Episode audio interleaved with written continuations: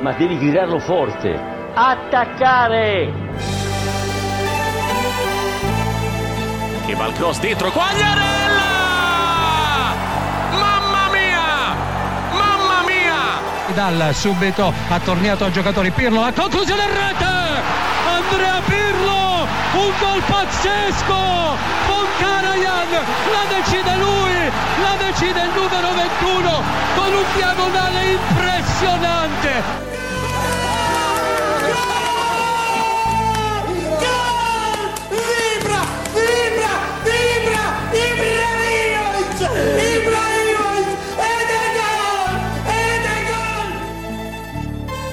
Het is eh, dinsdagmorgen 11 over 11 om eh, precies te zijn.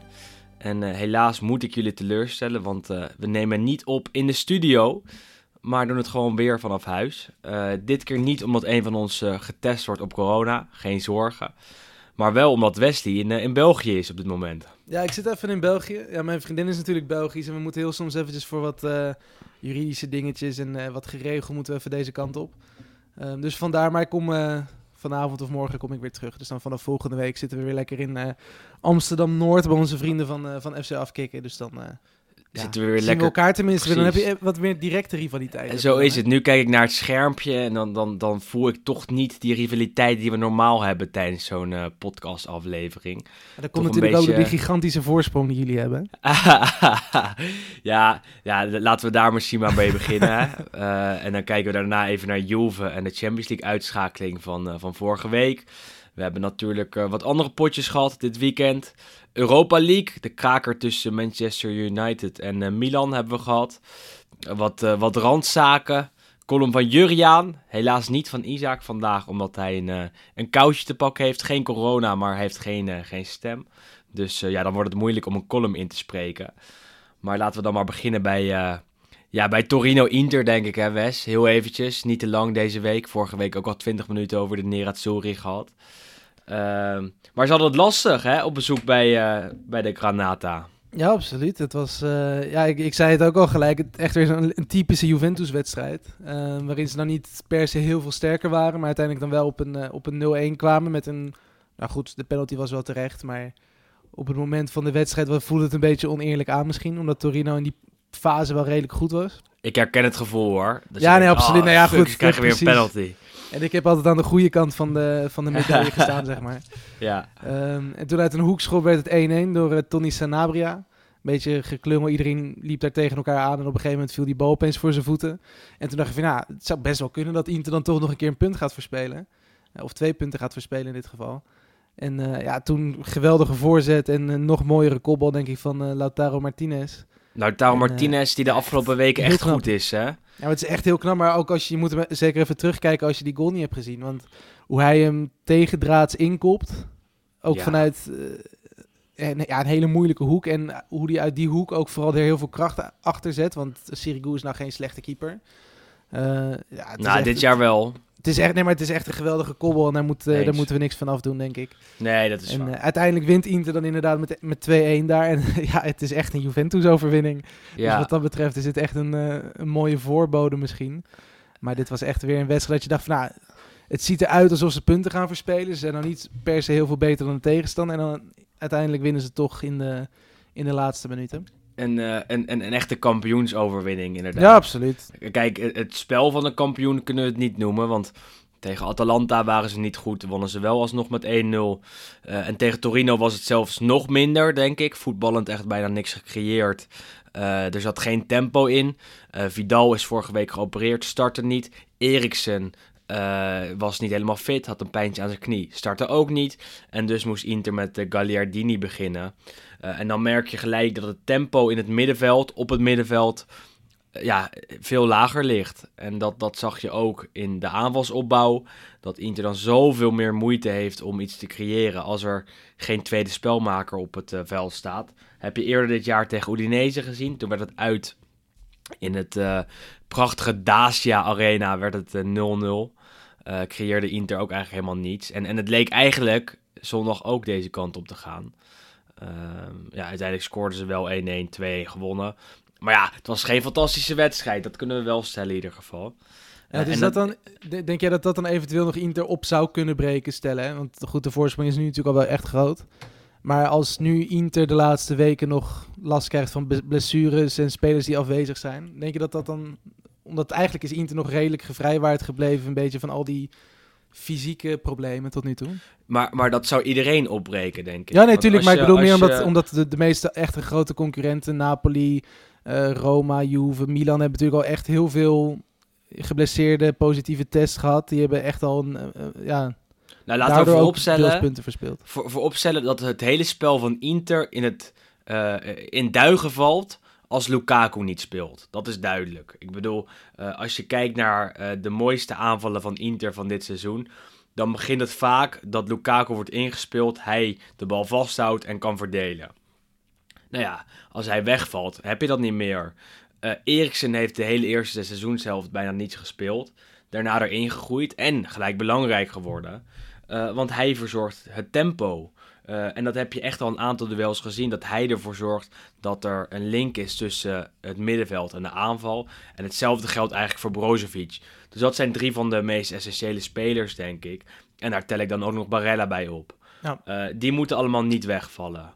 Ehm, maar als je Hakimi eh, eh, geblesseerd uit ziet vallen, dan kan Darmian daar spelen. Perisic staat jonger, of Darmian ook zelfs. Centraal in de verdediging eh, is er geen hele grote man overboord als eh, Skriniar of De Vrij een keer niet speelt en eh, dan Brozio daar staat. Kijk, dat niveauverschil was heel groot. Maar eh D'Ambrosio of eh Ranocchia, desnoods Kolarov, die kunnen echt wel nog wel iets. Maar ik denk dat die namen die ik aan het begin noem, eh, er echt moeten zijn om Inter...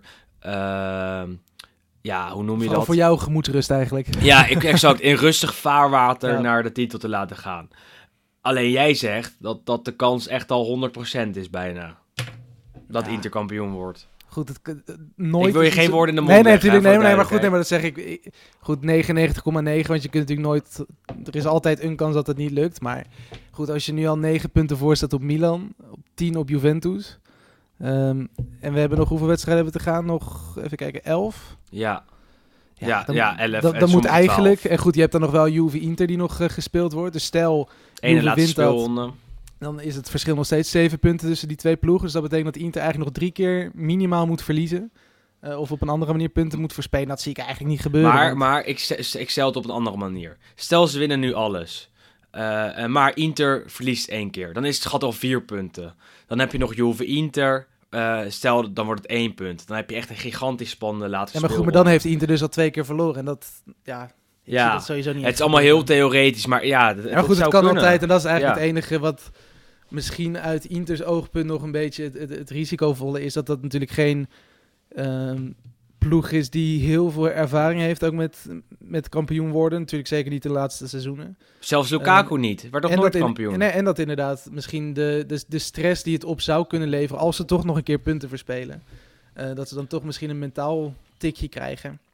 Alleen ik denk ook dat Antonio Conte daar juist wel de juiste man voor is. Of zeg maar om dat niet te laten gebeuren. Dat Ik ben- ik ben benieuwd of- kunt, eh, Of. Conte, dan, eh, of Conte dan groter is dan de club?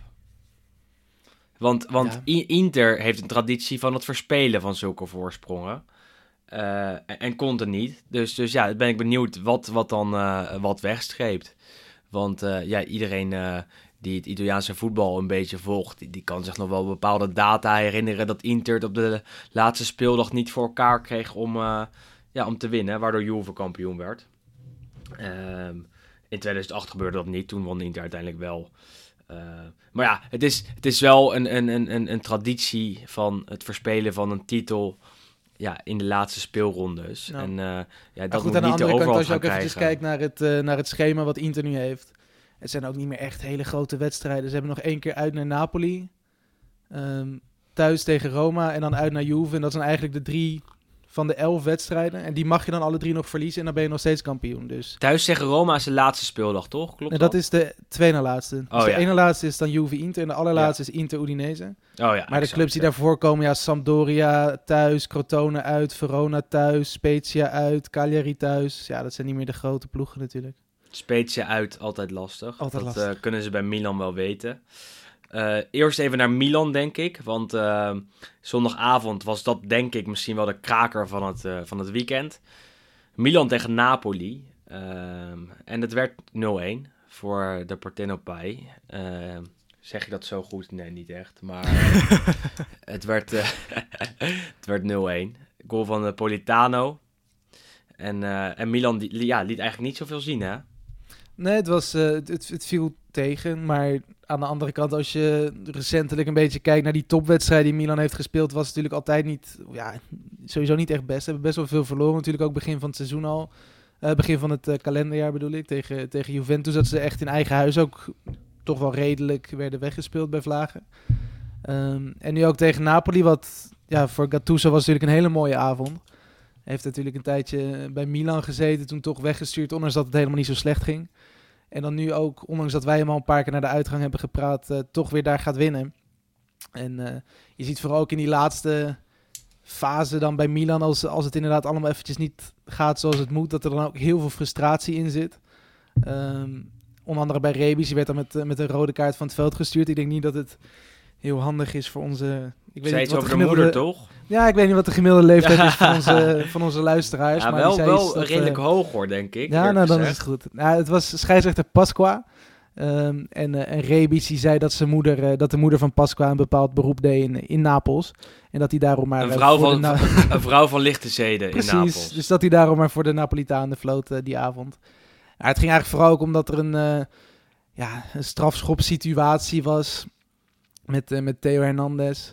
Nou, bij Milan zijn ze gewend om die te krijgen. Ja, nee, maar goed, ik, je, je kunt hem geven. En er zijn dit seizoen echt al belachelijkere stra- strafschoppen gegeven en, en duidelijkere strafschoppen niet gegeven. Eh, dus ja, je hebt niet echt een precedent zeg maar, om te zeggen van dit is er wel één en dit is er niet. Maar ik vond het wel echt heel licht hoor. Hij werd wel naar de VAR geroepen, de scheidsrechter. Ja, en hij kijkt. en Dat zegt dan misschien ook wel iets. Ik van- vond het niks. Ik, vond- ja, ik, vond het, ik vond het heel licht. Kijk, ik, Ja. ja. op basis van wat er de laatste weken en maanden wel is gegeven en niet is gegeven, kun je het eigenlijk gewoon niet weten. Nee, Eh, nee maar dat weet je in Italië ik, nooit. Ik, ik, ik vond het niks, nee. Nee, uiteindelijk heel veel frustratie. Want Theo Hernandez heeft ook nog op Instagram wat gepost over de scheidsrechter. Een foto van die eh, meneer Pasqua met allemaal kotstekentjes erbij. Ehm, dus bij Milan was men echt heel erg boos. Ehm, en eh, de trainer Stefano Pioli zei na afloop ook... Ja, stel je haalt bij Inter eh, Lukaku, Lautaro en eh, Barella weg. Of, of drie belangrijke spelers weg. Ja, dan, dan gaan ze ook niet winnen. En bij Milan was dat natuurlijk ook een beetje het geval. Die hebben de afgelopen weken veel last van blessureleed. Is dat dan iets waardoor zij aan het, eh, ja, aan het hoe noem je dat? Aan het, ja, wat problemen Aan het hebben. wegzakken zijn. Aan het wegzakken zijn, aan het, ja, aan het hobbelen zijn naar die misschien wel vierde plek, weghobbelen van de titel. Ja, nou maar goed, wat wij zeggen natuurlijk eigenlijk al het hele seizoen een beetje dat Milan niet echt een, een, een titelkandidaat is die dat in onze ogen 38 wedstrijden volhoudt. Ehm, en ze Iedereen ziet dat. Nee, maar ze hebben natuurlijk gewoon echt een hele goede seizoenstart gehad. Alleen daar hebben ze ook best wel over gepresteerd en het soms echt beter gedaan, ook vooral qua resultaat. Eh, niet per se altijd qua spel, maar vooral qua resultaat dan je eigenlijk van ze mocht verwachten. Ehm, en je ziet eigenlijk altijd dat het wel recht trekt over zo'n heel seizoen. En natuurlijk is nog wel de vraag van ja, wat was er gebeurd als en Napoli en Juve en al die andere ploegen daarachter.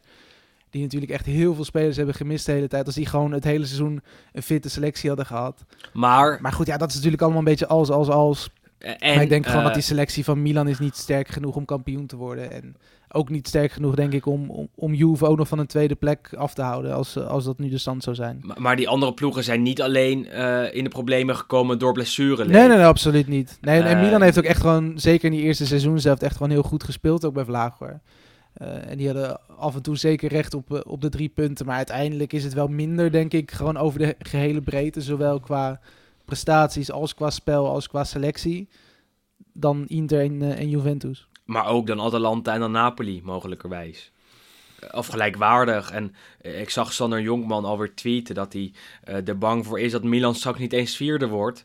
En zich dan dus niet voor de Champions League kwalificeert. Op dit moment is dat gat nog zes punten. Eh, naar de nummer 5 met Napoli en de nummer 6 Roma. Napoli nog wel een wedstrijd minder gespeeld. Daar komen we straks nog eventjes op. Ehm, maar ja, ik kan me de angst wel enigszins voorstellen. Als je ziet dat, dat Milan veel problemen heeft. Dit eh, jaar in eigen huis al heeft verloren. eh, van Juve, van Atalanta, van Inter. ehm, en nu dus ook van Napoli. Ja, dan, dan, dan, dan win je die belangrijke wedstrijden dus niet. En dan ga je dus echt in de problemen komen als je de concurrentie niet verslaat. Nee, en dat is er nu een beetje aan de hand. Nee, absoluut. En het is zeker natuurlijk ook omdat het, het staat bovenin sowieso vrij dicht op elkaar. Zeker die plek inderdaad na Inter. En want dat is eigenlijk het grootste gat ongeveer in de hele competitie als je het zo bekijkt. Eh, maar daarachter zeker in die, ja, rondom die Champions League en Europa League tickets, daar zit alles gewoon heel dicht bij elkaar. En het is vooral voor Milan zaak om toch te zorgen dat ze ook die belangrijkere wedstrijden, de grotere wedstrijden tegen de betere ploegen weten te winnen. Eh, want ik heb hier ook even hun programma erbij gepakt. Want zij moeten nog naar Lazio, ze moeten nog naar Juventus. En ze eindigen op bezoek bij Atalanta. Ehm, en Ja. als je dan inderdaad kijkt van de topwedstrijd die ze hebben gespeeld dit seizoen, zijn ze eigenlijk altijd, of ja, 9 van de 10 keer de mindere geweest en hebben ze punten verspeeld. Dus als je dat inderdaad bekijkt, en dan zeker natuurlijk de, laatste wedstrijd van het seizoen Atalanta-Milan, ja, dat zou best nog wel eens kunnen gaan om zo'n Champions League ticket. En daar hebben ze pijnlijke herinneringen aan, hè? Absoluut, ja. Dus dat, het, het zou inderdaad echt nog... Ik, ik snap ook Sanders, eh, ja, hoe, hoe zullen we het noemen, Angst. frustratie en angst een beetje. Ehm, dat je dan uiteindelijk misschien zelfs na zo'n goede eerste seizoenshelft... en zo'n goede tweede seizoenshelft vorig seizoen... ehm, dan toch nog misschien ernaast zou kunnen grijpen. Dat zijn precies de seizoenshelften waar het nergens meer om draaide. Milan had het toen al in de eerste seizoenshelft verspeeld. We refereren net aan Atalanta-Milan, dat werd toen 5-0. was eigenlijk de start van de goede periode, van het goede 2020 van Milan. Maar ja, uiteindelijk kan je concluderen dat ze daar bijna niets aan hebben gehad. En, en dat is denk ik wel pijnlijk. Eh, maar ja, ze staan nog alle tweede, dus we moeten dus natuurlijk niet helemaal naar beneden praten. Eh, het kan nog. En hoe mooi zou het zijn als Milan weer aan de Champions League meedoet? Want dan pas zet je echt de volgende stap richting het herstel van eh, de, ja, de topclub. Want een topclub is het natuurlijk nog gewoon altijd. Als je dan de financiële gelden van ja, de Champions League weer een keer binnenkrijgt, dan kan je zien dat dat echt ja, een plek is waar vandaan je kan worden gelanceerd. En dat zag je bij Inter, want Inter staat nu voor het eerst in jaren na 27 speelrondes eerste. Eh, en dat komt zeker omdat ze eh, zich eh, drie jaar geleden weer voor de Champions League hebben gekwalificeerd. En daardoor konden investeren in de selectie. En spelers als Lukaku, Eriksen en Hakimi weer naar Milaan konden halen. Doet Milan dat, dan kan het op termijn ook weer ja, gaan investeren en iets ervarenere spelers naar Milaan halen. En als je dan kijkt wat ze al deden zonder die Champions League gelden, dan heb ik er alle vertrouwen in dat ze dan weer mee gaan doen om de titel op een, eh, op, ja, op een constante manier. En eh, een ploeg die dat eigenlijk al, eh, ja, nu alweer negen jaar doet, is Juventus. Negen jaar zelfs achter elkaar eerste geworden. Maar ja, het kriebelt nu wel een beetje bij jou, hè, denk ik, in negatieve zin. Maar ja, het valt eigenlijk wel mee. Ja? Ja, maar aan goed, we hebben het hier vorige week natuurlijk ook over gehad. En dit is natuurlijk niet de eerste keer Ja, dat... maar ondertussen uitgeschakeld in de Champions League. Ja, En natuurlijk. dat is goed, natuurlijk ja, wel een flinke blaar. Nee, dat absoluut. Maar ik dacht, ik dacht we beginnen nog even, we laten het nog Ja, even bij jij de, wil, bij de wat jij competitie wil, hangen. wat jij wil. Laten we eerst nog even die competitiewedstrijd erbij pakken. Dan, Is goed. Want, ehm, of ja, dat is misschien eigenlijk niet handig. Even chronologisch gezien doen we dan met de Chronologisch gezien, League. laten Ja. we gewoon bij de Champions League beginnen. Want dat is natuurlijk eigenlijk het hoofdverhaal van Juventus van Ja. deze week. Nee, absoluut. Nee, we hebben natuurlijk vorige week zaten wij netjes tegenover elkaar in de studio. Ehm, jij, had Op er meer, anderhalve meter. jij had er meer vertrouwen in dan ik. In een goede afloop voor, eh, voor Juventus die avond. We hadden natuurlijk in, eh, in Portugal met 2-1 verloren. Eh, als, als het om Juve gaat, dan ben ik altijd opportunistisch en optimistisch. Ja, tuurlijk. Want dan kan het alleen maar meevallen voor jou. Hè? Ja. Ik ken je wel.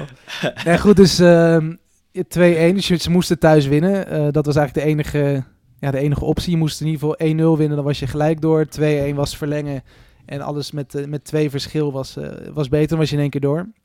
Alleen het ging eh, ja, toch niet van harte. Ehm, en ja, het, het, het was echt, voor mijn gevoel, ik heb echt gewoon een soort van replay gezien van Li of eh, Juventus Lyon van vorig seizoen. En dat was eigenlijk precies hetzelfde geval. Ook een slechte, thuiswed- eh, slechte uitwedstrijd toen gespeeld in Frankrijk. Eh, en toen in eigen huis ehm, penalty tegen. De Pai scoorde toen, want je mag geen Memphis zeggen, anders dan wordt je Twitter-account opgenomen. Ehm, en toen eigenlijk hebben ze gewoon de hele wedstrijd een beetje achter de feiten aangelopen. En daar leek het ook heel lang op tegen Porto in eigen huis. Vond je Eh, te pingel? Nou, ze begonnen niet goed. Penalty was, ja, je kunt hem ook geven. De- Ik, er zijn ook momenten geweest dat hij niet is gegeven, maar goed.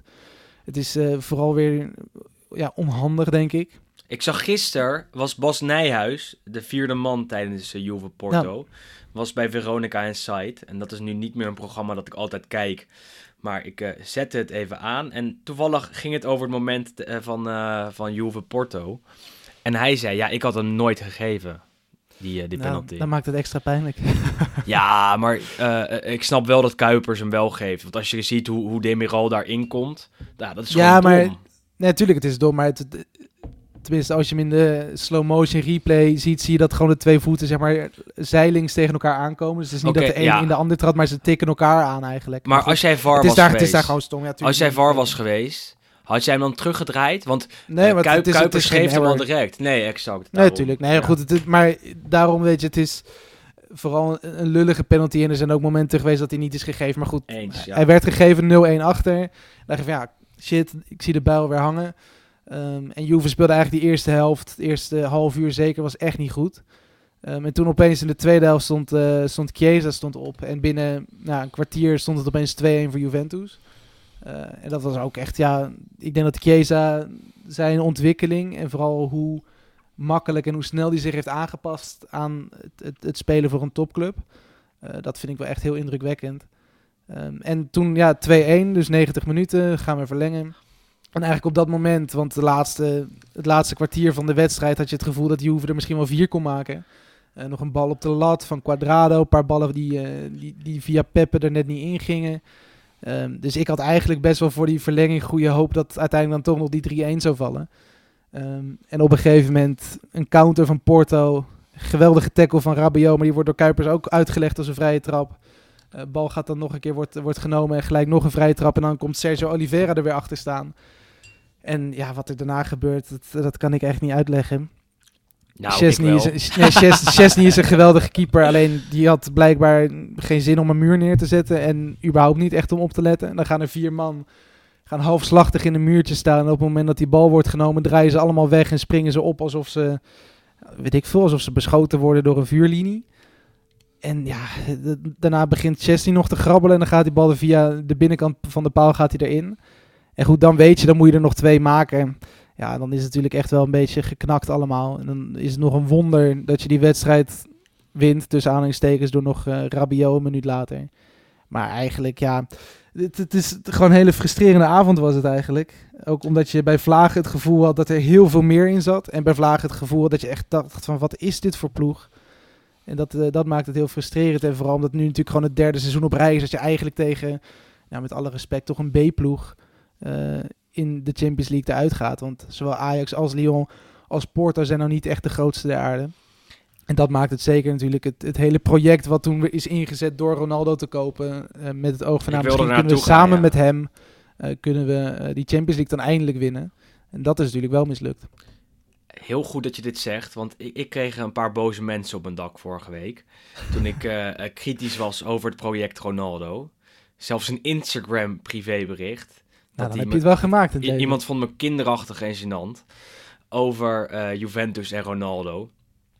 Maar als we er eerlijk en objectief naar kijken, dan is dit project toch ook gewoon mislukt. We hebben het er vorige week over gehad, maar eh, nu nog maar een keer, omdat het nu echt eh, is gebeurd en ze echt zijn uitgeschakeld. Maar Ronaldo is gehaald om met Juve de Champions League te winnen. Dat, dat is gewoon een feit. Dat is ook naar buiten toe gecommuniceerd. Dat was het hoofddoel van Juve bij het halen van Ronaldo. Het was niet het doel om met eh, Ronaldo drie keer kampioen te worden. Of twee keer eh, tot nu toe. eh, en hem een, een, een lading aan doelpunten te laten scoren in de Serie A. Want ook zonder Ronaldo, ben ik van overtuigd, waren ze kampioen geworden de afgelopen twee jaar. Dus dan kijk je verder. Nou, dan ben je in de Champions League inderdaad uitgeschakeld door Ajax, door Lyon en door Porto. Allemaal in een vroegtijdig stadium. Dan vallen al die prestaties van Ronaldo in de Serie A, ook al zijn het hele goede prestaties, vallen in het niet bij het mislukken in de Champions League. Want hij is gehaald voor de Champions League en niet voor de Serie A. Eh, en dat is denk ik waar de kritiek vandaan komt op hem. Niet alleen vanuit mij, maar vanuit de hele Italiaanse pers. En ook wel vanuit jou, denk ik. Ja, nee, absoluut. En eh, ja, weet je, ik vind het wel lastig, want het is natuurlijk eh, qua sport is voetbal natuurlijk niet iets wat door één speler kan worden eh, gewonnen of verloren, zeg maar. Dus dat, het, het maakt het een beetje lastig, want ik snap Maar dat impliceren we ook helemaal niet, Nee, nee, toch? Dat, nee, dat, is ook niet, Nee, dat is ook niet wat we zeggen. We- Wat we zeggen is dat Ronaldo is gehaald om Juve naar de Champions League te loodsen en wel de volgende stap te zetten. Natuurlijk, dit decennium twee keer de finale gehaald, twee keer verloren van eh, Barcelona en van Real Madrid. Met Ronaldo dacht Juve wel de stap te kunnen zetten naar de absolute Europese top. Eh, Ja. En wel net dat extra beetje te hebben om die Champions League te winnen. Nou, blijkbaar kwamen ze niet eens dat beetje tekort, maar een flinke lading. Want als je telkens wordt uitgeschakeld in de kwa- achtste finales of kwartfinales, ja, dan, dan klopt het gewoon niet. En dan kan je Ronaldo halen wat je wil. Eh, eh, alleen als je dan bekijkt wat je met dat geld ook had kunnen doen, denk ik dat Juve een stuk verder was geweest zonder eh, CR7. Ja, Eh, ja, absoluut. Nee, daar ben ik het mee eens. Maar goed, en zeker ook de manier waarop, nu afgelopen, waarop hij afgelopen dinsdag natuurlijk speelde. Eh, Want ja, hij had beter niet op het veld kunnen gaan staan. Want wat hij heeft laten zien, het was echt verschrikkelijk. Eh, het was misschien Normaal de avonden waar we dit Ja, maar ja, ja, absoluut, maar het was een van zijn slechtste wedstrijden, denk ik, überhaupt in zijn hele nou, Juventus-carrière sowieso. Misschien wel in zijn hele carrière. Ehm, maar op zich, ja, als je dan kijkt naar vorig seizoen tegen Lyon, was hij natuurlijk wel degene die aanjoeg. En die echt nog zorgde dat Juve heel dichtbij kwam. Tegen Ajax was hij natuurlijk ook nog met een doelpunt belangrijk. Ehm, dus het is niet dat hij helemaal niks heeft gedaan. Maar goed, wat je zegt, het project was ook natuurlijk gewoon... En die laatste, die extra stap zetten, de, de club professionaliseren van binnenuit en ook vanuit die selectie. En dan kun je inderdaad wel zeker wel zeggen dat het inderdaad te weinig is geweest. En, en dat die, eh, zeg maar, het effect wat die had moeten ehm, ja, veroorzaken, zeg maar, dat dat toch een beetje is uitgebleven. Alleen dat heeft natuurlijk ook grotendeels te maken met wat er om hem heen staat. Want Eens, Ehm, maar dat, dat komt ook nee, maar daardoor. maar dat is ook eventjes om, om, om misschien de mensen die kritiek hebben op jou en mij hierover, of, of Ja, meer ja, mensen, om ja. dat ook even uit te leggen. Het is natuurlijk wel, natuurlijk, niemand verwacht dat als jij Ronaldo haalt, dat je de Champions League wint. Want dat is natuurlijk een andere, het is gewoon een andere, ja, het is een teamsport, weet je. We hebben natuurlijk afgelopen maand, wat was het met de Super Bowl, dat is natuurlijk wel bij uitstek bijvoorbeeld een sport als je een Tom Brady neerzet. ehm, die kan echt een wedstrijd voor je winnen. En dan maakt het ook nog uit wie je om je heen hebt. En, eh, maar bij Ronaldo en bij, het, bij, bij een voetbalwedstrijd werkt het toch natuurlijk nog net even iets anders. Want hij kan nog zo goed zijn, maar als je daaromheen tien ja, clowns neerzet, eh, zeker op het middenveld, ja, dan gaat hij het ook niet kunnen doen in zijn eentje. Eh, maar dat inderdaad het hele project, het is, hij is gekocht om die laatste stap te zetten en die laatste stap is niet gezet. Dus dan kun je inderdaad zeggen, ondanks dat hij nu eh, waarschijnlijk volgende week op 100 Juventus doelpunten staat in nog geen eh, 120 wedstrijden, is het toch wel mislukt. Dat, dat, dat, dat staat buiten kijf, hè, wat hij heeft gepresteerd in de Serie A en wat hij daar doet. Eh, want dat gaat fantastisch en dat doet hij telkens wel. En daar scoort hij afgelopen eh, zondag weer een hat-trick tegen Cagliari. Eh, maar waar het inderdaad om gaat, was die Champions League. En, eh, en, en dat is niet gelukt. En eh, het laatste wat we daarover moeten zeggen, denk ik, of wat ik daarover wil zeggen, is dat eh, ik, ik denk dat Juve zonder Ronaldo een beter elftal had gehad. Dat je een, een sterker middenveld had gehad. Dat je nog wat had kunnen investeren in een, eh, in een extra spits. Eh, in een vervanger van Dybala mogelijkerwijs. En, en dat is allemaal niet gebeurd omdat er zoveel geld per jaar naar Ronaldo gaat. Eh, en dan zie je alweer stadjes voorbij komen dat die de club 1 miljoen per doelpunt heeft gekost. Ja, dat zegt me allemaal niet zoveel. Eh, want dat, dat, dat, dat lijkt me een hele moeilijke rekensom. Want aan de andere kant heeft die eh, Juve commercieel ook wel best wat opgebracht. Maar op sportief gebied is het project mislukt, zou ik zeggen. Ja, absoluut. Ehm, En afgelopen weekend dan gaat inderdaad in de, in de competitie gaat het dan wel weer goed. En dan staat hij binnen 33 minuten staat hij op een hat-trick uit bij, bij Cagliari. En goed, ja, het, het, Gaat hij naar de gewoon- camera en, en, Ja, en en wijst hij naar zijn oor. dat, dat, dat snap ik op zich ook wel hoor. Want het is natuurlijk ook wel voor hem. Hij heeft natuurlijk een beetje misschien hetzelfde wat ik net zeg. Van ja, wat er om hem heen staat is natuurlijk ook niet van Champions League winnende kwaliteit. En hij is natuurlijk wel, mede door zijn hele status en zijn verleden, wordt hij er natuurlijk op afgerekend als soort van hoofdschuldige. Ehm, terwijl het natuurlijk ook gewoon een van de elf is. Of een Ja, van de, ja, maar- geheel. Nou, Dus ik snap op ja, zich wel dat, ja, dat, dat hij met die frustratie zit. En dat natuurlijk ook een paar van die koppen op de kranten van eh, Ronaldo is nu meer een blok aan het been. Dat je ook denkt van ja, dat gaat misschien ook wel een beetje ver. Maar goed, eh, hij vond het in ieder geval nodig om daar nog wat eh, ja, Misbaar te maken. Misbaar van te maken. Eh, maar goed, hij deed het inderdaad tegen Cagliari was het, eh, was het goed. Binnen 2, 33 minuten maakte hij een hat-trick. Ehm, had er ook nog afgestuurd kon, kunnen worden met rood. Al vond ik dat, ja, Ja, hij, hij, Niet schopte, nodig. hij, hij schopte Cranjo wel in, in zijn gezicht. En, Ja, maar hij raakt eerst de bal. Ja, ja, ja. En daarna is die doorhalen op de keeper. Ja, het- je kunt hem geven inderdaad ook hoor. Maar Ik, ik hoef het ook niet hoor, maar eh, ja, het, het ligt wel een beetje in de lijn eh, van het, het Italiaanse scheidsrechterschilde om hem wel te geven. Eh, en ja, en dit keer werd de scheidsrechter niet naar de VAR geroepen en, en gaf hij hem inderdaad niet. Eh, maar Ja, het kan zomaar zijn als het, maar maar als het volgende week wel gebe- weer gebeurt, dan geeft hij hem wel, bij wijze van Ja, spreken. misschien wel. Nee, maar goed, ik vind bij dit soort situaties... Er is natuurlijk ook wel een, een, een logisch... Of tenminste, ja, er, er zijn plekken waarop het normaler is... dat er zeg maar een gevaarlijke botsing plaatsvindt... tussen, in dit geval tussen een spits en een, en een keeper... die allebei voor de bal gaan en allebei de bal raken. Eh, dan bijvoorbeeld ergens halverwege op het middenveld. Want ik kan nu...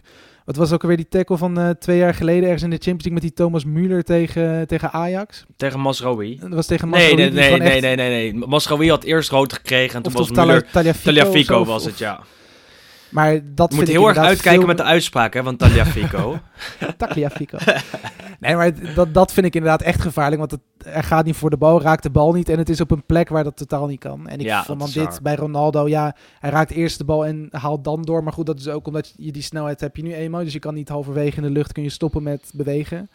En het is ook een logisch moment, want het is gewoon een voorzet en daar gaan er twee naartoe. Heb Maar je goed. dit niet ook een keer gehad met Nani? Volgens mij ook tijdens bij Ja, United Dat nog. zou kunnen. Met Nani die, die ook hoog, eh, zijn been hoog had. En, en scheidsrechter Shakir gaf hem rood. Iedereen bij United boos. En eh, ja, dat was dit ja, ook wel een klein beetje eerlijk gezegd. Maar goed, Ja, dat, maar goed, dat- aan ja, de ene kant de je, kunt keeper. hem, je kunt hem geven, maar ik denk dat het... eh, Ander onderwerp wat, wat ik daaraan gelinkt vind. En daarna kijken we nog even naar de rest van de wedstrijden van deze speelronde. Voordat eh, de Romanisti weer boos worden. Want deze week gaan we het extra lang over Roma hebben. Eh, maar eh, de scheidsrechters komen niet meer voor de camera. En dat is toch best wel raar, want dit werd groot aangekondigd twee weken geleden. Nieuwe scheidsrechtersbaas, die kondigde aan dat de arbiters voortaan eh, eh, ja, wat uitleg zouden geven over hun beslissingen. En mochten geven, hè? Het was, het, het Ja, was, mochten geven, meer maar van als toch- ze werden uitgenodigd, dan mocht het. Maar ondertussen heb je eh, dit weekend veel discussie. Hebben we net al dus behandeld. En bij Milan en bij Juve. Dan zou je toch verwachten dat er eh, iemand... eh, Oké, in Italië is het misschien te veel gevraagd om de scheidsrechter zelf voor de camera te trekken. Maar iemand anders dan, hè, desnoods eh, Gianluca Rocchi, tegenwoordig de bewindsman van die scheidsrechters, voor de camera te trekken. En, en, en dat gebeurde niet. En, en dat snap ik dan niet. Want stel je wil wat goed wil kweken en die beslissingen uitleggen, ja, dan scoor je denk ik wel punten door ze voor die camera eh, te zetten en door ze die beslissingen uit te laten leggen. Of in ieder geval iemand erover te laten praten. En dat gebeurt dan niet. En dan zie je dat er nu alweer twee, drie dagen discussie is over die, eh, die beslissingen. Of ze nou foutief zijn of niet. Ja, dan vind ik dat wel jammer dat dat gelijk weer eh, is ingetrokken op een of andere manier. Of tenminste dat die kans niet aan ze wordt gegeven om eh, die beslissingen uit te leggen. ja, maar goed, aan de andere kant heb ik ook zoiets de vorige keer natuurlijk dat die scheidsrechter daar dan wel zat. Toen ging het ook niet over recente wedstrijden, dus eh, ja, Maar je kan toch een, prima, het prima proberen als je het nee, aankondigt. absoluut. Maar ik weet inderdaad niet wat het. ik kan wel begrijpen dat daar misschien vanuit het scheidsrechtersbod nog wel... eh, is misschien een soort, ja, een verbod is misschien een groot woord, maar dat het niet de bedoeling is om een dag na je wedstrijd misschien over je eigen beslissingen te praten. Ik weet niet precies hoe ze dat hebben bedacht, maar daar zou ik eventueel nog wel in kunnen komen. Ja. Maar goed, het is inderdaad wel vreemd dat een, een goede ontwikkeling eigenlijk nu weer eventjes een beetje in de, eh, op de achtergrond is, is geduwd. Terwijl het inderdaad juist wel heel erg waardevol kan zijn, niet alleen voor het begrip vanuit de fans, al is het maar gewoon überhaupt voor het, het, het, het, het, scheidsrechterschap, zeg maar. Ehm, Zo is het. Maar En- goed, en ja. We hadden het net over Nijhuis bij Veronica en Site. Ja, dat vind ik dan weer misschien een stapje te ver. Eh, maar iets ertussenin, eh, dat, dat, dat moet toch wel kunnen. Even naar de andere wedstrijden. Eh, ja, we begonnen al op vrijdag om drie uur. ja, mooi hè? En daar kwam ik eigenlijk op vrijdag om één uur pas achter. Toen dacht ik, hè, eh, waarom wordt er om drie uur gespeeld? Ehm, nou ja, dat was eh, omdat er dit weekend ook een Six Nations wedstrijd gepland stond in het Stadio Olimpico, waar Lazio en Roma normaal, eh, normaal spelen. En eh, ja, Lazio speelt deze week nog in de Champions League eh, tegen Bayern München. En normaaliter mogen ze dan kiezen of ze dan eh, voor de Six Nations wedstrijd spelen of erna. Eh, nou ja, het werd ervoor, want ze wilden dus meer rust voor die Champions League wedstrijd van, van woensdag. Nee, ja, van woensdag, ja. Ehm, en toen dachten ze daar, ja, weet je wat, laten we het gewoon om drie uur plannen. Want dan hebben de mensen nog meer tijd om het voor te bereiden voor dat rugbyduel. Nou, en zo geschieden, want eh Lazio Crotone werd om drie uur 's middags op een vrijdag afgewerkt. Terwijl elke voetballiefhebber, eh, of bijna elke voetballiefhebber, eh, op dat moment aan het werk was. Eh, ik zelf niet, dus ik heb hem gezien. Ja, Jij ook? perfect. Ja, nee, absoluut. wij, wij zitten er altijd klaar voor, toch? Wij Ik zitten er altijd klaar voor, ja. Werken? Nou, dat doen we niet. Nee, maar goed, nee, het is een mooi moment, denk ik. Want we hebben sowieso dit seizoen al best wel veel, toch wel vrij aparte speelmomenten gehad. Ik denk misschien wel meer dan, eh, dan ooit tevoren. Ehm, en het was wel een leuke wedstrijd. En dat vind ik dan ook wel, wel mooi. Want zeker op zo'n vrijdagmiddag. sowieso, nee, maar, nee, maar sowieso eigenlijk vrijdag, vrijdagwedstrijden zijn vaak nou niet echt de meest interessante.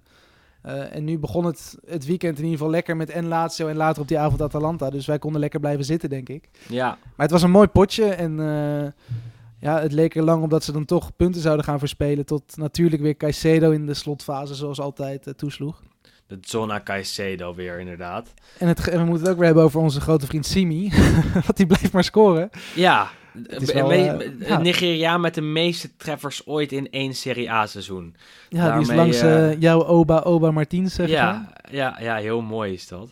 Eh, en Simi deed het uitstekend. eh, zonder de trainer langs de zijlijn, overigens. Onze grote vriend, of onze andere grote vriend, Serge Cosmi, was geschorst. Vanwege een, eh, een ja, hoe noem je dat? Blasfemische uitspraak in het Nederlands, Ja. zeg je dat ook zo? Anti-godsdienstelijke uitspraak tijdens de vorige wedstrijd van Crotone. Dus moest hij op de tribune plaatsnemen, helaas. Nou ja, het was te zien, want ze wonnen niet, ze verloren. Lazio eh, was met 3-2 te sterk. Eh, speler die we daar misschien nog heel veel moeten uitlichten is eh, Ciro Immobile. De afgelopen weken niet zo goed, hè? Nee, het is, het is even iets minder. Maar goed, op zich... dat, dat, dat, dat heeft hij ook natuurlijk ieder seizoen wel een, een keer een paar wedstrijden dat even iets, iets stroever gaat. Ehm, hij heeft natuurlijk nog wel, wat was het van de week geloof ik, de, de gouden schoen in ontvangst mogen nemen als, als topscorer. Tatoetje van laten Eh, zetten zelfs. Ook nog eens, ja, tuurlijk. Je bent geen Italiaan als je dat niet eh Zo is het. op je Zijn hele arm is vol, eh, vol ge- geklied. Nee, maar goed, ja, het is... eh, Geklad. Het, het, viel, het valt inderdaad de laatste week is, is hij inderdaad wat minder. Maar goed, je ziet dat Lazio nog steeds wel genoeg kwaliteit heeft om in ieder geval dit soort wedstrijden te winnen. Ehm, Mag ook wel. en goed, met een Caicedo heb je natuurlijk altijd wel iemand die nog een doelpunt kan maken in ook zo'n slotfase. Als, als je echt iets moet forceren en dat lukt nu weer. Eh, maar ook wat erachter zit natuurlijk met een eh Milinkovic, Savic en Luis Alberto. zijn natuurlijk ook spelers die ook wel een doelpunt kunnen maken eh, vanuit het middenveld. In dat geval Correa heeft natuurlijk nog vorige keer gedaan tegen Juventus. En er zit sowieso wel genoeg doelpunten in die, eh in die Morici. Dat dat is, laten we het daar niet over hebben. Ja, maar goed, maar je hebt natuurlijk ook best wel wat ploegen die... Er werd natuurlijk begin van het seizoen gezegd... Ronaldo dependentia, dat Juve eigenlijk alleen maar scoort als Ronaldo scoort. Ehm, maar dat is bij Lazio wel minder. En dat is natuurlijk ook wel een goede zaak, denk ik, voor zo'n eh, voor zo'n team. Dat je natuurlijk meerdere spelers hebt die een doelpunt weten te maken. Zo is Ehm, het. dat zag je eigenlijk nu ook. Later eh, die vrijdag, wel op een eh, christelijk tijdstip, over het christendom gesproken. Atalanta tegen Spezia. Werd 3-1. Eh, niet echt een spectaculaire wedstrijd, denk ik. Spezia kon een tijdje lang meedoen. Jeroen Zoet stond in de goal bij Spezia. Eh, die was niet zo goed. Eh, ik zag heel veel tweets over hem voorbij komen. En eh, dat de, de Spezia supporters... Ja, dat, dat hij opeens een bal kon klemmen en dan over de achterlijn laat gaan, glijdend. Ehm, ja, dat was niet fantastisch. Zal nog wat wedstrijdritme eh, missen. Eh, maar ja, tegen Luis Muriel is ook niks eh, bestemd, hè? Want eh, die maakte echt weer een eh, fantastisch doelpunt. Ja, nee, goede speler is dat. Dat hebben we natuurlijk al vaker gezegd. En als je inderdaad zeker zijn minuten eh, door zijn aantal doelpunten deelt, dat, eh, dan kom je echt op eh, ja, Europese hoogte, zeg maar. Er zijn heel weinig spelers die dat weer. beter doen. En het is gewoon ook een hele mooie, ja, mooie fijne voetballer. En we zeggen natuurlijk al een tijdje dat het ook wel interessant zou zijn om hem echt bij een grote club te zien. Ehm, en ja, toch om, om te zien of hij daar, daar ook aan zou kunnen haken. Eh, maar zeker bij Atalanta denk ik dat, dat ze heel erg blij mogen zijn dat ze überhaupt hem eh, nu nog steeds hebben. Want ik, ik denk ook vanuit zijn oogpunt eh, is natuurlijk zeker geen vaste basisspeler daar. Maar hij maakt wel gigantisch veel doelpunten en hij is gigantisch belangrijk voor zo'n team. Zowel nationaal als, als internationaal. Ehm, en ik denk dat ze bij Atalanta ook wel toch wel een beetje in hun handen mogen knijpen dat hij daar überhaupt nog speelt. Want ik kan me best in, ja, inbeelden dat hij zelf ook denkt van ja, ik zou toch ergens graag gewoon lekker elke week 90 minuten willen voetballen. Ja, Ehm, of niet. Misschien, en hij- dat ja, nee, misschien, misschien ook niet. Want ik, ik, ik, als je de verhalen hoort, is het natuurlijk bij Atalanta wel fijn spelen. En heeft natuurlijk een maatje in de spits met, met Zapata. Die is natuurlijk dit seizoen ook al een paar keer niet helemaal lekker geweest. Waardoor inderdaad een Murillo wel in de basis mocht starten. Dus misschien dat het nu ietsjes minder is. Maar ik kan me best voorstellen dat hij op een gegeven moment toch nog wel een stapje omhoog zou willen maken. Ehm, en dan ben ik ook wel benieuwd wat voor ploeg bij hem zou passen. Want ik denk dat er binnen Italië nou niet direct een, een, een team is wat zijn Milan. ja, maar goed, hij is toch wel echt iemand die in een offensieve, eh, of in, echt in een heel erg offensief team zou, zou moeten spelen. En dan denk ik toch eerder dat hij misschien lekker naar Spanje moet gaan of zo. Maar Terug naar Villarreal misschien. Atalanta nu vierde. eh, op een mooie Champions League plek. En dat gaat wel de goede kant op daar. Zaterdag, eh, ja, voorafgaand aan de dag, dacht je... Ja, ga ik hier nou voor zitten? Maar achteraf kon je wel stellen dat, eh, dat we werden verwend. Eh Sassuolo Verona werd eh, 3-2. Sassuolo eh, back to winning ways. won van de concurrent. En ja, dat, dat deed goede zaken in de strijd om de achtste plek. Eigenlijk een plek waar je niks aan hebt, maar goed. Ze gingen Verona voorbij met die overwinning.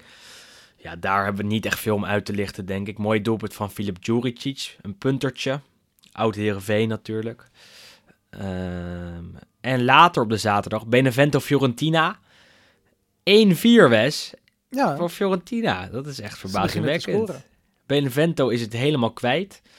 Eh, het draait niet meer. En ja, ze dalen echt eh, langzaam maar zeker weer af richting die degradatieplekken. Want eh, inmiddels weer terug te vinden op een zestiende plek. Eerder dit seizoen stonden ze nog bijna in het linker rijtje. Nou ja, daar is nu echt zeker geen sprake meer van. En als je dan echt wordt weggevaagd door Fiorentina, dan is er wel wat, eh, wat negatiefs aan de hand. Hè? Ja, maar het is inderdaad, eh, Benevento is niet best. Staan ook op 52 tegendoelpunten. Alleen Crotone kreeg er meer tegen in het hele seizoen. Dus het is daar inderdaad is het wel een beetje op.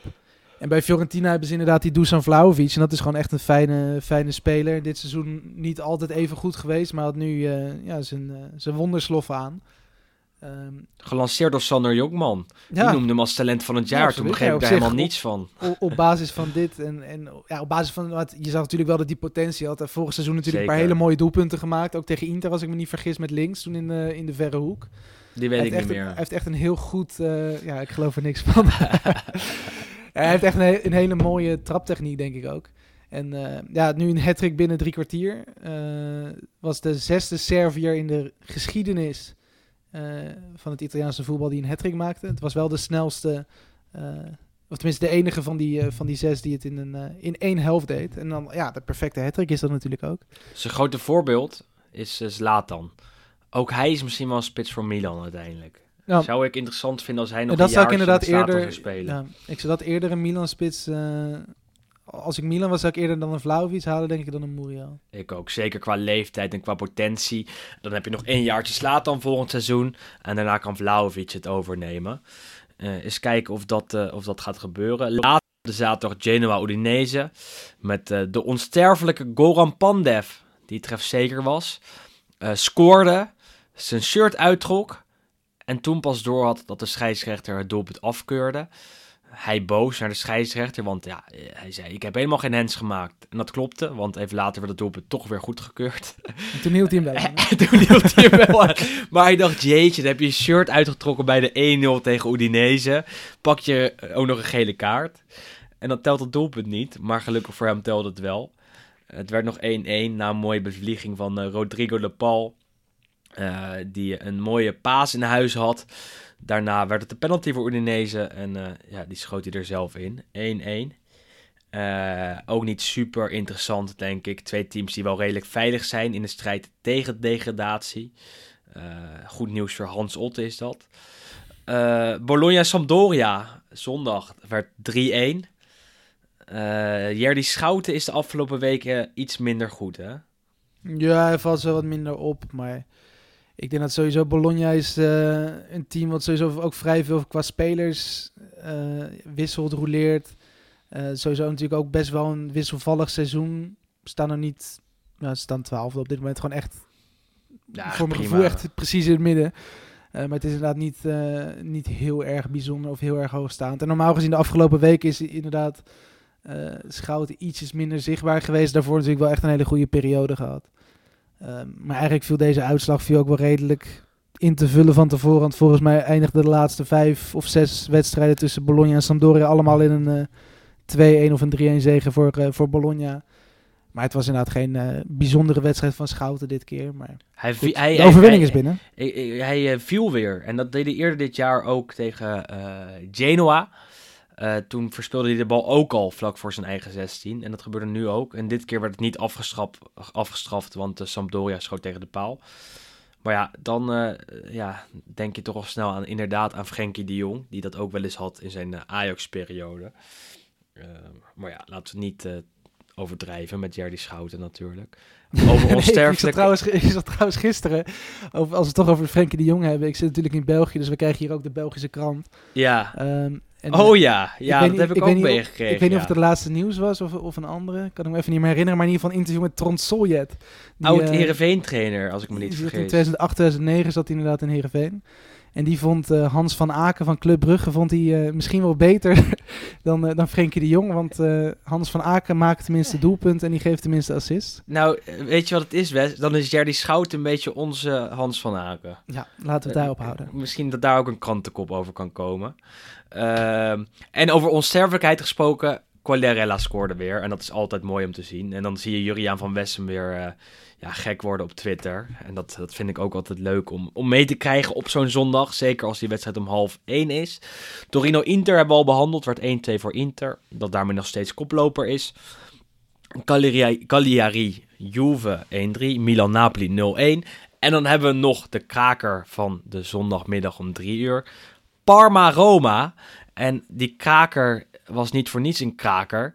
Want het was eh, ja, de terugkeer van een oude Feyenoord-legende in de basis van Parma. Graziano Pelle. Die eh, mocht Ja. gewoon weer starten. En hij was hartstikke goed, vond ik eerlijk gezegd. Als ik, ja, Ja, ik heb die wedstrijd niet het- live gezien, maar wat ik ervan terug heb nee, gezien. maar het, eh, ik heb inderdaad wel een stuk, eh, een groot deel gezien. Het, viel echt goed mee met eh, zowel zijn zijn fitheid als ja, zijn sportieve prestaties, zeg maar. Ehm, en eigenlijk dit zijn van die wedstrijden, Parma het hele seizoen amper gewonnen. Volgens mij de laatste 17 wedstrijden niet. Eh, Roma die eigenlijk normaal gezien alles wint van alles wat onder plek 10 staat. Eh, dus je, je verwacht eigenlijk dat Roma ook dit gaat winnen.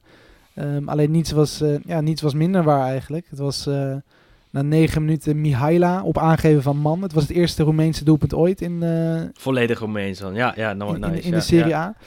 Ehm, en er gingen 22 passes aan vooraf. Dat zag ik ook voorbij komen. Dat was ook de eerste keer dat het Parma lukte. Ehm, dus die stond op 1-0 en inderdaad in de tweede helft overtreding oppellen. En eh, toen ging on- eh, onze goede vriend Hernani achter de bal staan. Die dit seizoen eh, echt wel bij far de beste speler is aan, aan de kant van, van Parma. En penalty 2-0. En dat was wel natuurlijk een, een verrassing van je welste, denk ik. Van, ja, wat ik net zeg, Parma die nooit wint. Roma dat altijd wint. Maar Parma gaat andersom. zich nog wel handhaven. Ik denk dat Parma zich gaat handhaven. Als je de afgelopen weken eh, terugziet, dan zijn ze zo vaak dicht bij de overwinning geweest. En hadden ze ook zo vaak verdiend om te winnen. Ik bedoel, uit bij Spezia kwamen ze op 0-2, werd het nog 2-2. Eh, eh, tegen Inter verdienden ze zeker een punt. Eh, gebeurde niet. Eh, ja, wat heb je nog meer? Nee, ze hebben natuurlijk, was op, op een gegeven moment toen eigenlijk vanaf het moment dat eh Daversa terugkwam, Ja. is het weer een klein beetje gaan lopen. Het heeft toen in- inderdaad één of twee wedstrijden ging het ietsjes minder. Fiorentina niet te vergeten ja, maar, uit. nee, maar daarom, ja, die hebben toen inderdaad twee wedstrijden op rij. Eerst tegen Udinese, 2-0 voorsprong. ja. En daarna tegen Spezia 2-0 voorsprong. En dat allebei nog weggegeven. Nou, tegen Inter verdienen ze meer. En tegen Fiorentina, inderdaad, vorige week hebben we het heel even kort over gehad. Een eigen doelpunt in de laatste seconde. Eh, dus ze hadden met een beetje meer geluk hadden ze 6, 7 punten meer kunnen hebben. Ehm, en dan ja, was het opeens een hele andere uitgangspositie. Maar het is inderdaad wel voetballend gezien is, gaat het ook wel vooruit. En je ziet ook wel dat inderdaad de komst van onder andere zo'n man en een Pelé en een, en een Zirkzee al heeft hij natuurlijk nog niet heel veel kunnen doen helaas. Ik Eh, vind het mooi dat jij... Dat jij een klein eh, beetje, ja, een klein beetje die extra push geven. Ik vind het mooi dat je Pelé op, het, op zijn Italiaans uitspreekt. Want dit is natuurlijk zo'n naam die, die in Nederland gewoon op, op eh, zijn Pelle. Nederlands wordt uitgesproken. Ja, dat, dus, dus dan doe ik het ook maar natuurlijk, zoals je me kent. Maar i- inderdaad, op het, in het Italiaanse commentaar is het Pelé. En dat, dat- dat is toch wel wat anders dan dat we in Nederland Pelle zeggen. Goed, Ehm, officieel is natuurlijk ook Mino Raiola en wij, zeggen het, wij hebben het ook vaak genoeg over Raiola. ja, Dus ik doe het af en toe wel Raiola hoor. Die, die, die probeer ik wel af en toe te, te gebruiken. Maar ja, dan, dan heb je weer bij andere namen dat je denkt van jeetje, dat zeg ik wel echt op zijn Nederlands. Blijft toch altijd moeilijk. Ehm, ik denk dat we nu even naar de column van eh Juriaan van Wessem gaan. En eh, daarna nog even gaan kijken naar het Serie A speelweekend van, volgend, eh, van, ja, van, van de komende zaterdag en zondag. En kijken nog even naar de Europese duels van deze midweek. En we hebben natuurlijk ook nog de luisteraarsvragen van eh, deze week, waar eh, tussen wat leuke dingetjes zaten. Maar eerst gaan we even luisteren naar Juriaan van Wessem over het duel tussen Fiorentina en Milan. Komend weekend staat Fiorentina Milan op het programma. Dat is altijd wel een beladen duel in Florence, omdat de thuisploeg de macht van deze tegenstander nooit helemaal vertrouwt. Dat was al zo in de jaren 60 en werd na de komst van Silvio Berlusconi als voorzitter van de Rossoneri alleen maar erger. Deze wedstrijd is daarom ook best lastig voor Milan. Het duel is al 80 keer gespeeld in de Serie A en Fiorentina won 31 keer, terwijl Milan maar 25 keer als winnaar Florence verliet. Er werd dus ook 24 keer gelijk gespeeld. In Florence hebben ze de neiging om groter te denken dan ze in werkelijkheid zijn. Dat is nou eenmaal de charme van de Florentijn. Eén keer ging het echter gigantisch mis. Ik heb het over een onvergetelijke wedstrijd in 1992, op 4 oktober. Milan was de regerend kampioen en had de eerste drie wedstrijden in de competitie gewonnen toen het op bezoek kwam bij Fiorentina. Fiorentina had één wedstrijd meer gespeeld en was nog ongeslagen. De ploeg had in de vorige thuiswedstrijd zelfs met 7-1 gewonnen van Ancona. En na die wedstrijd werd er in de steegjes tussen Piazza Santa Croce en Piazza della Repubblica al gesproken over een mogelijke landstitel van Fiorentina.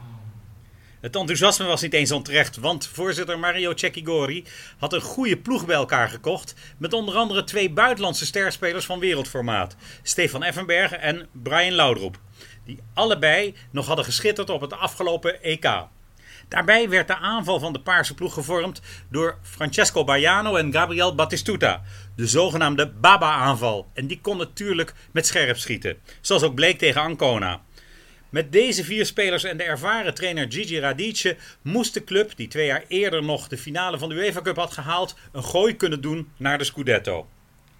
In de week voor de komst van Milan naar Florence had Fiorentina zelf gelijk gespeeld bij Inter, dat in de slotfase ontsnapte aan een verdiende nederlaag. Komt dat zien, komt dat zien, riepen ze al dagen in Florence.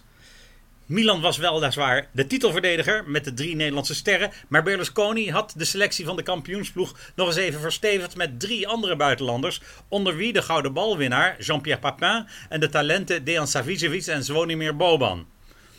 Daarbij had de club bij Torino voor een recordbedrag van ruim 18 miljard lieren Gianluigi Lentini losgeweekt. Deze transfer werd door directeur Adriano Galliani ook wel de operatie Entebbe genoemd, omdat de deal in het diepste geheim was afgerond en bij de concurrenten als een bom insloeg. Trainer Fabio Capello had bij elke wedstrijd vooral een probleem met het kiezen van de beste eh, ploeg, waarbij hij maar drie buitenlanders mocht opstellen. Berlusconi wilde een dubbele selectie om op twee fronten te kunnen schitteren. Het moest niet nog een keer voorkomen dat clubs als Napoli of Sampdoria zomaar kampioen konden worden. Dus blies Berlusconi de concurrentie weg door twee ploegen in één selectie te proppen. Maar Fabio Capello moest dat revolutionaire beleid dus in de praktijk uitvoeren. Want op het veld bleef het gewoon 11 tegen 11. Eigenlijk is Milan veel te sterk. Maar daar willen ze in Florence niets van weten. Het communale is tot de laatste plek gevuld. Een fijne paarse arena wanneer beide ploegen het veld opkomen. De drie van Milaan doen gewoon mee. Tassotti, Costa Curta, Baresi, Maldini, Albertini en Massaro staan ook op het veld. Alleen Lentini is van de nieuwelingen een basisspeler.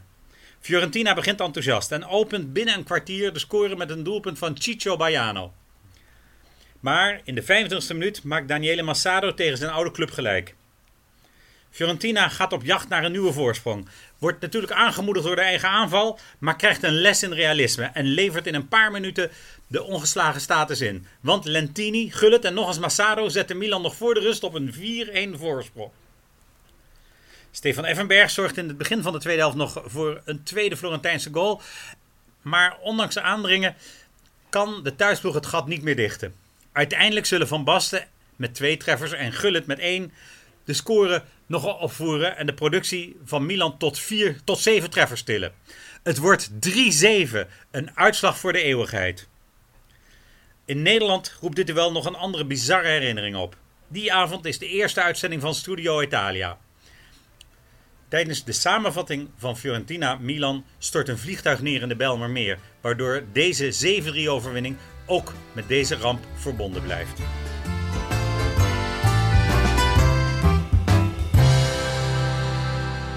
Ja, altijd mooi, eh, de columns van Juriaan. Dit keer over een eh, historische wedstrijd tussen Fiorentina en Milan. Die dus eh, dik werd gewonnen door Milan. Fiorentina dat toen ook al hoog van de, van de toren blaasde. En dat tegenwoordig ook wel een beetje doet. En daar niet veel van waar maakt helaas. Milan dat, ja, wat we al eerder hebben gezegd, deze podcast, gewoon weer leuk meedoet bovenin.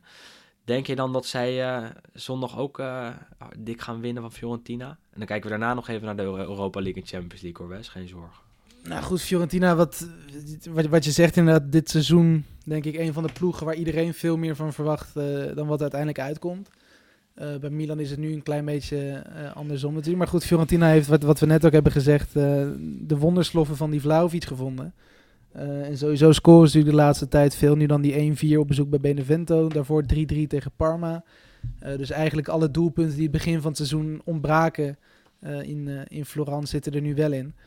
Um, en ik ben ook wel benieuwd of en hoe Milan zich herstelt van die, van die nederlaag. En dat is toch natuurlijk best wel een klap um, van Napoli. Want ze weten natuurlijk ook, even kijken, ze spelen om 6 uur geloof ik op zondag. Ja, op zondag. Ja. Dus ze weten dat als Juventus ook maar gelijk speelt tegen Benevento thuis, en die gaan waarschijnlijk gewoon winnen van Benevento thuis, uh, dat Milan moet winnen van Fiorentina om die tweede plek vast te houden.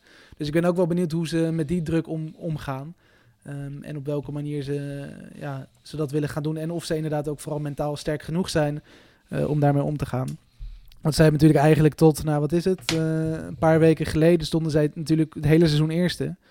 Um, en die zijn nu eigenlijk dan binnen een paar weken donderen die van plek 1 naar plek 3. En met een beetje pech, als de andere resultaten dan uh, meezitten voor de andere ploegen, staan ze misschien binnenkort wel uh, buiten die Champions League plekken. En dat is natuurlijk ook wel interessant om te zien of uh, dan ervaren krachten als, als een Slatan Ibrahimovic en een Kier bijvoorbeeld, uh, of die dan die ploeg toch nog een soort van ook op, mentale, op mentaal gebied bij de hand kunnen nemen, zeg maar.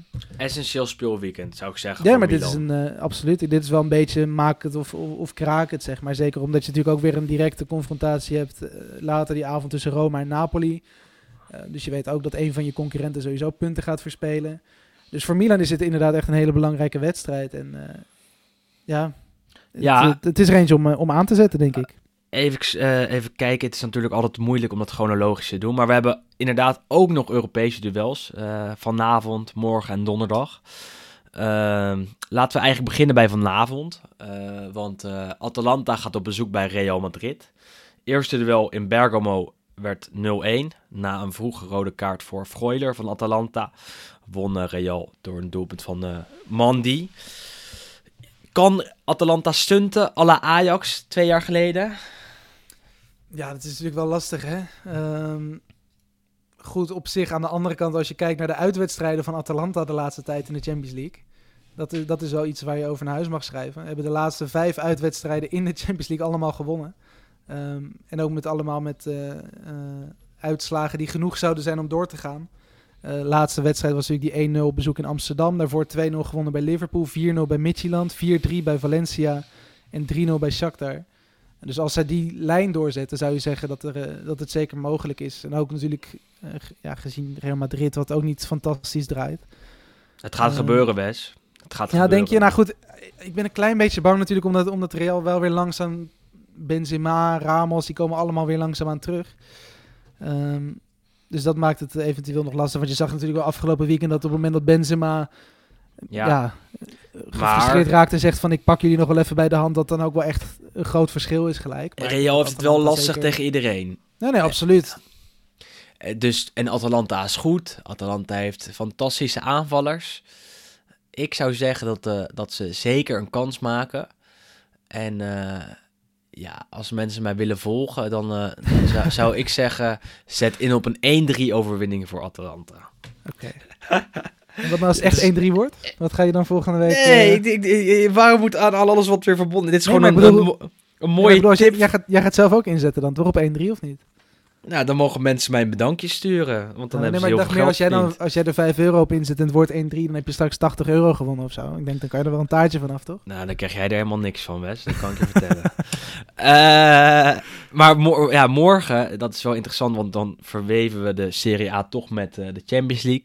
Morgen zou eerst het inhaalduel tussen Juve en Napoli zijn.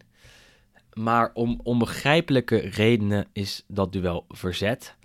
Eh Juve en Napoli wilden allebei niet spelen. Zeiden dat ook tegen het competitieorgaan, tegen de Lega. En eh, ja, de Lega Serie A heeft gezegd: oké, nou dan eh, verplaatsen we het duel weer. Wordt het niet op 17 maart gespeeld, maar op 7 april. En Roma was er boos over, want zoals net gezegd is Roma aankomende zondag de tegenstander van Napoli. En zij zeggen, ja, weet je wat het is? Wij spelen donderdag in Kiev tegen Shakhtar. Wij hebben bijna geen tijd om ons voor te bereiden op die wedstrijd met Napoli. Eh, Hoe kan het zo zijn dat die wedstrijd van hen eh, wordt verzet? Omdat ze zelf niet willen spelen. Omdat ze zelf anders drie lastige wedstrijden achter elkaar hebben. Want Napoli zou dan eerst uit naar Milan moeten. Dan naar Juve en dan naar Roma.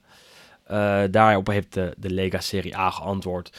Ja, het is gewoon eh, gegaan volgens de regels. Als eh, zij niet willen spelen en eh, Juve wil het eigenlijk ook niet, dan is het aan ons om te kijken naar een datum waarop het beide teams wel uitkomt. Nou ja, en dat was dus 7 april in plaats van 17 maart. Dat is natuurlijk het inhaalduel. Dat werd afgelast of verzet of uitgesteld vanwege die coronaperikelen destijds op eh, 4 oktober. Ja, heb jij hier een mening over, Wes? Of, of, of niet per se? Want ik, ik snap Ja, de woede. ik snap alle clubs kant, wel. Natuurlijk, ik snap eigenlijk iedereen in de situatie. Alleen het probleem is dat je inderdaad niet weet wie, tenminste waar het verzoek vandaan komt.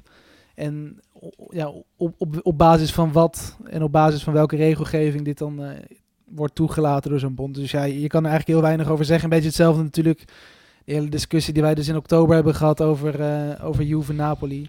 Je weet gewoon niet precies wat er... Ja, weet je, wij, wij proberen natuurlijk ook alles zo goed mogelijk te, te kennen en, en de regels te lezen en de laatste nieuwsberichten mee te krijgen. Maar ja, je weet nooit wat er achter, ja, hoe zeg je dat, binnenskamers wordt, eh, wordt besproken daar. En of het nou inderdaad zowel uit Juve als, eh, als Napoli-kamp komt, of dat Napoli heeft gezegd van nou, het is voor ons te druk, of dat Juve zegt, nou ja goed, voor ons boeit het eigenlijk toch allemaal niet meer, want we liggen uit de Champions League. Ja, geen idee, maar ik snap inderdaad die woede bij, bij Roma. Aan de ene kant wel, die gingen ervan uit dat zij...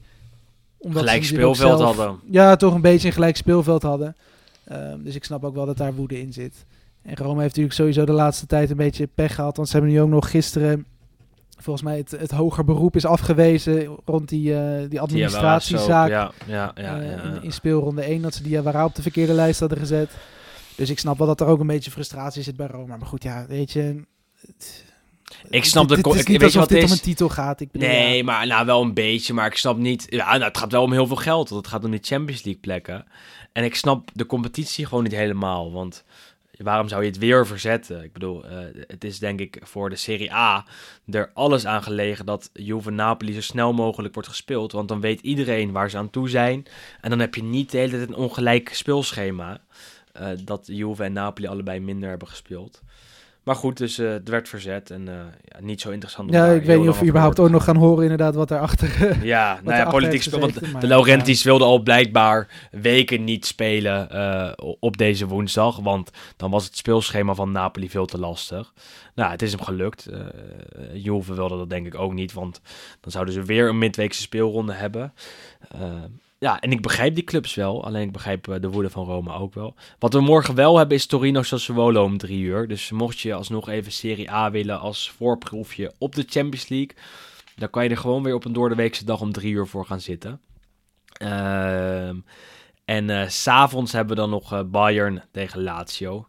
Nou, ik, ik, ik denk niet dat ik Lazio kans geef. Ik ook niet, nee. Laten we daar niet te lang bij stilstaan. Het is jammer voor Lazio dat ze zo'n slechte verdediging hebben. Eh, anders had ik nog misschien wel gewoon... Nee, ik, ja, het kan niet. Na deze heenwedstrijd eh, helemaal, helemaal, zit er helemaal niks meer in.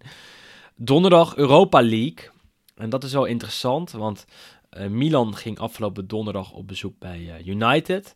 Was hartstikke goed, toen wel. En het werd eh, 1-1. Eh, laat doelpunt van uh, Kjaer om het eh, nog gelijk te maken. Eh, ja, het kan wel een stuntje in zitten misschien in San Siro. Nou goed, is, ik, ik denk dat het stuntje was natuurlijk vooral die 1-1 op Old Trafford. En in dat als Milan thuis van de Manchester United wint, is knap. Maar dat is nou niet per se het stuntje. Maar ik denk dat dat zeker wel ook terecht zou zijn op basis van die heenwedstrijd. Eh kwamen we toen op 1-0 achterstand eh, door oud-Atalanta jeugd exponent of hoe wil je het noemen, Amad Ja. Diallo. En eh, uiteindelijk inderdaad... Voormalig Traoré. Voormalig hè? En nu inderdaad, en toen eh Kier inderdaad in de negentigste minuut. Maar goed, ja, ik denk dat, dat Milan die wedstrijd sowieso meer verdiende. Ehm, hadden daar eigenlijk misschien wel moeten winnen. Maar die mogen het nu inderdaad dan afmaken in, eh, in eigen huis. En dat, dat, dat zou denk ik ook, in ieder geval op basis van de heenwedstrijd, is het heel terecht. Eh, Of zou het terecht zijn. En eh, ja, we zullen zien wat het aanstaande donderdag geeft. En goed, voor Roma is het denk ik nog makkelijker. Want die speelde thuis gewoon echt een prima wedstrijd tegen Shakhtar. Ja, Eh wonnen met 3-0. zij wel. Zij wel. hebben Shakhtar natuurlijk eerder dit seizoen Inter het leven zuur zien maken. Vooral ook gewoon met heel slecht spel en tijdrekken en, en vervelend voetbal. Maar toen lukte het. En, eh, maar goed, ja, ik denk niet dat, dat, dat Roma nu nog een 3-0 voorsprong weggeeft. Ook al moeten ze natuurlijk wel naar Oekraïne geen toe. kans. Daarvoor Shakhtar wel. echt niet goed genoeg. Nee, dat kan bijna niet. Dus dat is mooi. Dan hebben we in ieder geval eh, Roma door. En eh, ja, dat is dan misschien wel de enige overgebleven Italiaanse ploeg na deze ja, achtste finales van beide Europese toernooien. En dat is eigenlijk een hele slechte score. Laten we daar vooral niet te lang bij stilstaan. Maar het is wel duidelijk dat het niet heel erg goed gaat met het Italiaanse voetbal op Europees gebied. En dat is op zich Eh, natuurlijk wel opvallend. je jammer, ziet-? Je ziet, Ja. maar je ziet, je ziet ook wel natuurlijk in de eigen competitie... dat natuurlijk best wel een paar ploegen nu de afgelopen jaren echt wel grote stappen hebben gezet. Natuurlijk Atalanta, nu Milan wat omhoog klimt. Eh, Inter wat natuurlijk vooral dit seizoen het heel erg, eh, heel erg goed doet. En dan is het inderdaad wel opvallend om te zien dat dat op internationaal ja, niveau nog niet echt eh, op die manier werkt. Het is Eh, gewoon niet goed genoeg. En, en dat zie je te vaak. Eh, ja, het is ook wel grappig om, ja. om erover na te denken wat dat dan is. Is dat, is dat dan echt financieel? Want het is nou niet dat Italiaanse topploegen weinig te besteden hebben. Is het dan eh, mentaliteit? Is het ervaring? Is het toch een, een Kwaliteit. stukje... het is gewoon ja, kwaliteit. kwaliteit. Misschien wel goed. Aan de andere kant er zijn natuurlijk ook gewoon heel veel hele goede spelers. eh, bij, bij een Inter bijvoorbeeld. Als je, als je, als je ziet wat die, dat die uitgeschakeld worden. Wat was het een groep met Shakhtar en, en Gladbach ook. Ja, ja, ja. Ja, dat zijn geen, die zijn eigenlijk allebei zijn die echt gewoon veel minder qua selectie en selectiebreedte en selectiekwaliteit dan een Inter. ja. En dan is het ook wel interessant om te zien wat, wat daar dan precies misgaat. Ehm, maar Ja, goed, ja, echt gaan, moeilijk, eh, maar- ja, maar dat- dat- dat lastig om daar de vinger eh, op te leggen. Zeker. En ondertussen haalde Atalanta vorig jaar natuurlijk wel de kwartfinale eh, van de Champions League. En Inter de finale van de Europa League. Dus op zich is het niet zo dramatisch. Maar het wordt wel weer een keer tijd dat er een Italiaanse ploeg echt grote indruk maakt in Europa. En uiteindelijk als je dan ook een Europa League finale haalt, hem wint. En in de Champions League misschien weer de finale haalt. Zoals Juve dat wel deed de afgelopen jaren twee keer. Eh, maar dat is nu ver weg, helaas. Door naar de luisteraarsvragen, denk ik, Wes. Want we zitten ondertussen alweer eh, ja, over het uur. Zeker met de columns erbij gerekend. Het gaat altijd zo snel, hè, die tijd, als we met elkaar over Italiaans voetbal praten. En Zeker als er genoeg misgaat natuurlijk aan alle kanten. Ja, leuke, eh, leuke eh, al onze voornemens om het kort te houden. Maar ja, dat, dat gebeurt gewoon niet. Het is nog niet echt gelukt, hè? Nee, maar ja, lekker boeien. Ja. De, de mensen die luisteren, die vinden het leuk om, eh, om te luisteren. En, En als- dit is het moment ja. dat je een shout-out kan krijgen natuurlijk bij die luisteraarsvragen. Dus dit is natuurlijk wel echt het moment om even goed op te letten. Daarom blijven al die mensen nog zitten en eh, rijden ze nog een extra rondje in de auto of lopen ze nog een extra stukje om de luisteraarsvragen mee te nemen. En ja, dat is natuurlijk ons doel ook, om jullie helemaal mee te nemen in het Italiaanse voetbal. Tot aan het slot. Eh, doe jij Twitter, doe ik Instagram. Dat lijkt me het, eh, het beste. Ik had er Eh, hier eentje van. ja, eh, jij mag beginnen. Dat was de eerste eigenlijk die we kregen nog voordat we überhaupt hadden gevraagd of er weer nieuwe vragen eh, konden worden ingestuurd. Van, van Ed van de Ven. En die zei zelf, ik weet dat het achteraf mooi wonen is, maar de rel Rebic, André Silva pakt nog niet helemaal lekker uit. Ja, wat ja. vinden wij daarvan? Want Silva Ja. ligt er, intussen heeft er 19 in, het, in het mandje liggen in Duitsland. En Rebic valt vooral natuurlijk dit seizoen pff, wisselvallig. gelukkig weten Ed dat het achteraf mooi wonen is. Precies. Ja, maar dit dit is echt een rel die, die je altijd had moeten doen. Zeker tegen deze prijs. Eh, en ik ben ervan overtuigd dat Rebic het echt nog wel gaat doen bij Milan. En vorig jaar was hij een van de beste spelers van de Rossoneri. Eh en, en daar tegenover staat dat André Silva nooit wat heeft laten zien in het Milan-shirt. Nee, want dat is inderdaad zijn tweede vraag. Van hoe, want hoe kan het dat zo'n André Silva, die natuurlijk zowel eh, toen de tijd in, eh, in Portugal als bij de nationale ploeg van Portugal als in Frankfurt wel aan de lopende band blijft scoren eigenlijk, dat het bij Milan Ja. dan niet lukte. Is het dan toch die vloek van het rug nummer 9? Ja, nou ja, de- ja maar, maar ook de Serie A, wat natuurlijk een, toch een specifieke competitie is. En dat zie je wel vaker, dat spelers in Italië moeite hebben om zich aan te passen. eh, en om het dan toch te doen. En ook qua leefomgeving het, eh, het lastig vinden. Er wordt iets minder eh, de best gedaan om je je echt thuis te laten voelen. Daar ben ik echt van overtuigd. Eh, en dat kan ook in André Silva's geval zo zijn geweest. En bij Frankfurt lukt het hem wel. En daarbij moet je natuurlijk ook zeggen dat de druk bij Frankfurt een stuk minder hoog is dan bij Milan. Eh, waar iedereen er natuurlijk nog steeds fel op zit. En als je het dan een paar keer slecht doet, ja, dan is het makkelijk om je vertrouwen kwijt te raken. En dat was in André Silva's geval zeker zo. Denk Ja. ik. Ja, dat is Ja, mijn antwoord eigenlijk. Nee, doe maar. Ehm De volgende. ja, op Instagram hebben we echt weinig dingen eh, deze week, eerlijk gezegd. Of ik blauw-zwarte nagels mo- moet lakken bij een Interscudetto. Ja, nou ja, dat, eh, dat is een eh, terugkerende vraag. De echt leuke eh, eh, challenge heb ik nog niet gehad. Dat is toch wel jammer. Philip had... Filippo? Flip? Filip? Flip? Flip? Flip. Flip is het in het Nederlands, toch? Filippo Ja, absoluut. in het. Italiaans. Die had ook wat op, eh, op Twitter gezegd. Maar goed, die, de, de, de leuke challenge is er nog niet. Want nou, ik vind die op zich wel leuk hoor. wat was het ook alweer dat ik een liedje Nee, moest gaan zingen? We hadden natuurlijk gezegd welke tatoeage jij zou moeten nemen. Maar goed, dat was Ja. dat is sowieso meest drastisch misschien. Maar ook naar aanleiding van jouw nou, niet zo hele malse kritiek op Sanremo. eh Nee, dat het die heb ik misschien een beetje goed... teruggenomen. Hè. Ja, dat is waar. Nee, eh, je hebt- moeten we niet... eh, ik ik luister wel elke, gezien elke, elke, Spotify luistert. Ja. Ja, exact. De Sanremo Madame, 2021 ma, eh, ma, ma- playlist. madame luister ik nu af en toe in de auto op weg goed. naar werk. Maar goed, hij, ja, Flip zei van het leek, eh, het leek hem heel erg toepasselijk als jij dan een video op zou nemen waarin je het clublied van Inter uit volle borst zingt. Ja, dat ga Als- ik gewoon als echt niet kampioen doen. worden. Ah, op zich, ik vind dat, dat moet wel kunnen, toch? Dat ga ik gewoon echt niet doen. Nee? Echt om meerdere redenen niet. Ten, ten eerste omdat ik niet kan zingen. Ten tweede omdat ik natuurlijk nog wel een beetje objectief moet zijn. En als ik nou een internummer ga opnemen, ja, dan, dan eh, is de rest van mijn, van mijn leven, wat ik ook ga doen, ik, dat is natuurlijk nog niet helemaal bekend, dan, eh, dan word ik daaraan herinnerd. Ja, dat moeten we niet hebben, eerlijk gezegd. Ja, daar gaat je geloofwaardigheid. Daar gaat toch mijn geloofwaardigheid als ik een keer, eh, ja, weet ik wat. Straks werk ik bij AS Roma. Nou ja, dan komt dat nummer langs. Ja, Dat moeten we niet hebben. en Dus, dan hebben we nog eh, twee hele persoonlijke vragen. Ehm, Ja. Eén, wat is onze voetbalboeken top 5 die met Italië te maken hebben?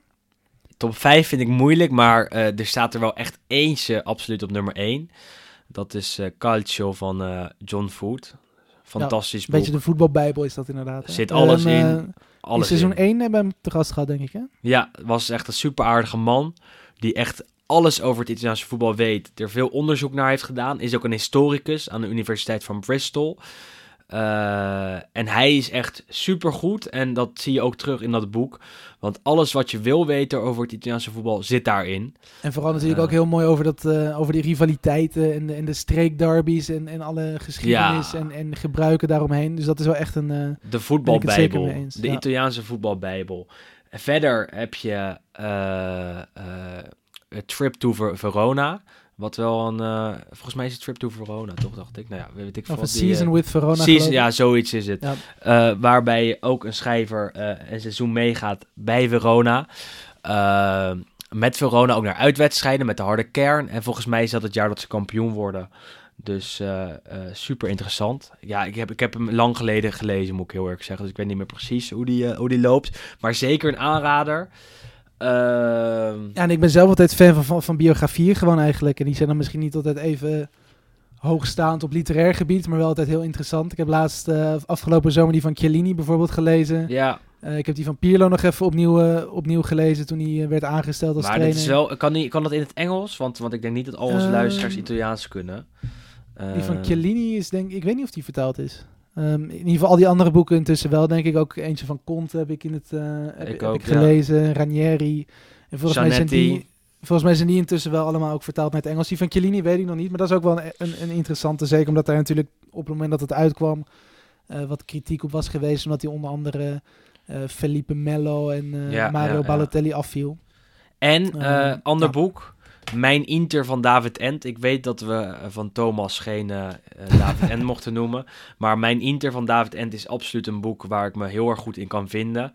Eh, David natuurlijk altijd super aardig en ook super goed. En eh, fanatieke Italiaanse voetballiefhebber. Fanatiek Interista bovendien. Schreef over zijn liefde voor de blauw-zwarte ploeg uit Milaan. Over zijn tripjes naar Italië. Over zijn ontmoetingen met spelers. Over zijn ervaringen met de club. En dat is ook zeker een van mijn favoriete eh, Italiaanse voetbalboeken. Eh, dus mocht je die nog niet hebben gelezen, zou ik die aanraden. En je hebt ook nog het Italiaanse voetbalwoordenboek van David Ent. Ja. Dus mocht je echt indruk eh, willen maken op, ja, op je mede-voetballiefhebbers of op ons, desnoods. Dan met je vragen, hè, dat je opeens, ja, wie is toch die trequartista van, van Napoli? Ja, dan moet je dat boekje eventjes kopen. En dan de Eh, laatste vraag was... ja, eh, dat is de wij- laatste, daarna dat- moeten we stoppen. Ja, maar dat is ook wel echt heel persoonlijk hoor. Dat vind ik, ik vind dat wel echt heel moeilijk om te beantwoorden. Ehm, of wij shirts van de aardsrivaal in de kast hebben liggen. Nou, jij eerst, Wes. ik niet. ik niet. Nee, ik heb Ja. heel veel voetbalshirts. Nee, maar oprecht, ik heb eh, van heel veel Italiaanse ploegen ook vooral voetbalshirts. Alleen ik heb wel recentelijk besloten, ook deels in samenspraak eh, met mijn vriendin, dat ik een beetje moet stoppen met het kopen van alles wat los en vast zit, wat met Italië te maken heeft. Oh.